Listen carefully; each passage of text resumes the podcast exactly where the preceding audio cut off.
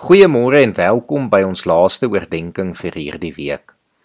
Ek het gister die verhaal van Petrus se ongeloof in homself vertel en wil vanoggend daarop voortbou deur een van my gunsteling karakters in die Bybel se stories te vertel.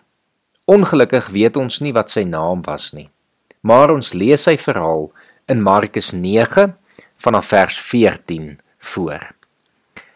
Toe hulle weer by die ander disippels kom, sien hulle 'n groot menigte mense daar rondom hulle en skrifgeleerdes wat met hulle redeneer. Die hele menigte was verras toe hulle Jesus skielik sien en het nader gehardloop om hom te verwelkom. Hy het vir die skrifgeleerdes gevra: "Waaroor redeneer julle met my disippels?" Een van die mense het hom geantwoord: "Meneer, ek het my seun na u toe gebring omdat hy van 'n gees besete is." Wat hom stom maak. En elke keer as die gees hom gryp, gooi hy hom op die grond neer. Dan kry hy skuim op die mond en hy kners op sy tande en sy spiere trek saam. Ek het die disippels gevra om die gees uit te drywe en hulle kon nie.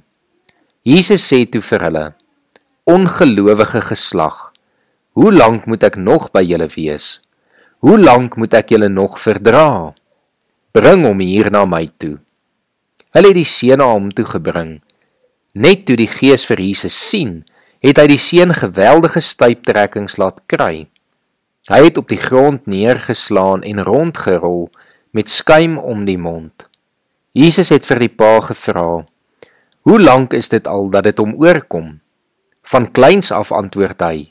En baie keer het die gees hom al in vuur en in water gegooi om hom dood te maak.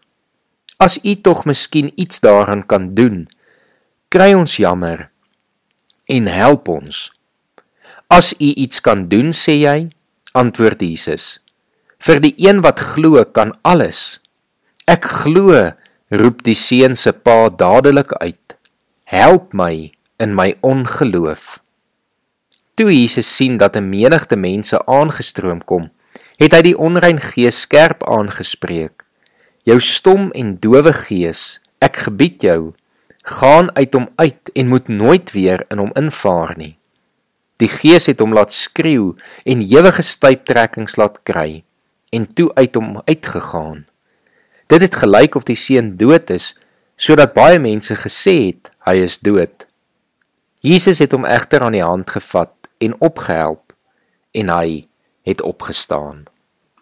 Ek glo Help my in my ongeloof.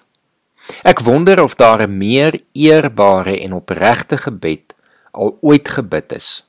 Mag jy vandag hierdie gebed leer en wanneer jy dalk in 'n situasie is waar jy moet jou wil begewe of daar waar jy wil begin twyfel, mag jy dan hierdie gebed onthou. Ek glo, Here, help my in my ongeloof. Kom ons bid saam.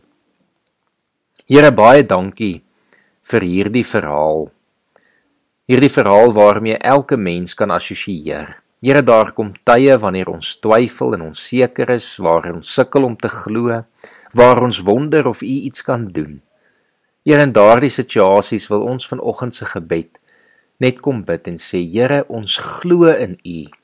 Maar help ons in ons ongeloof. Help ons wanneer ons in onsself twyfel en wanneer ons self nie in staat is om iets te kan doen nie.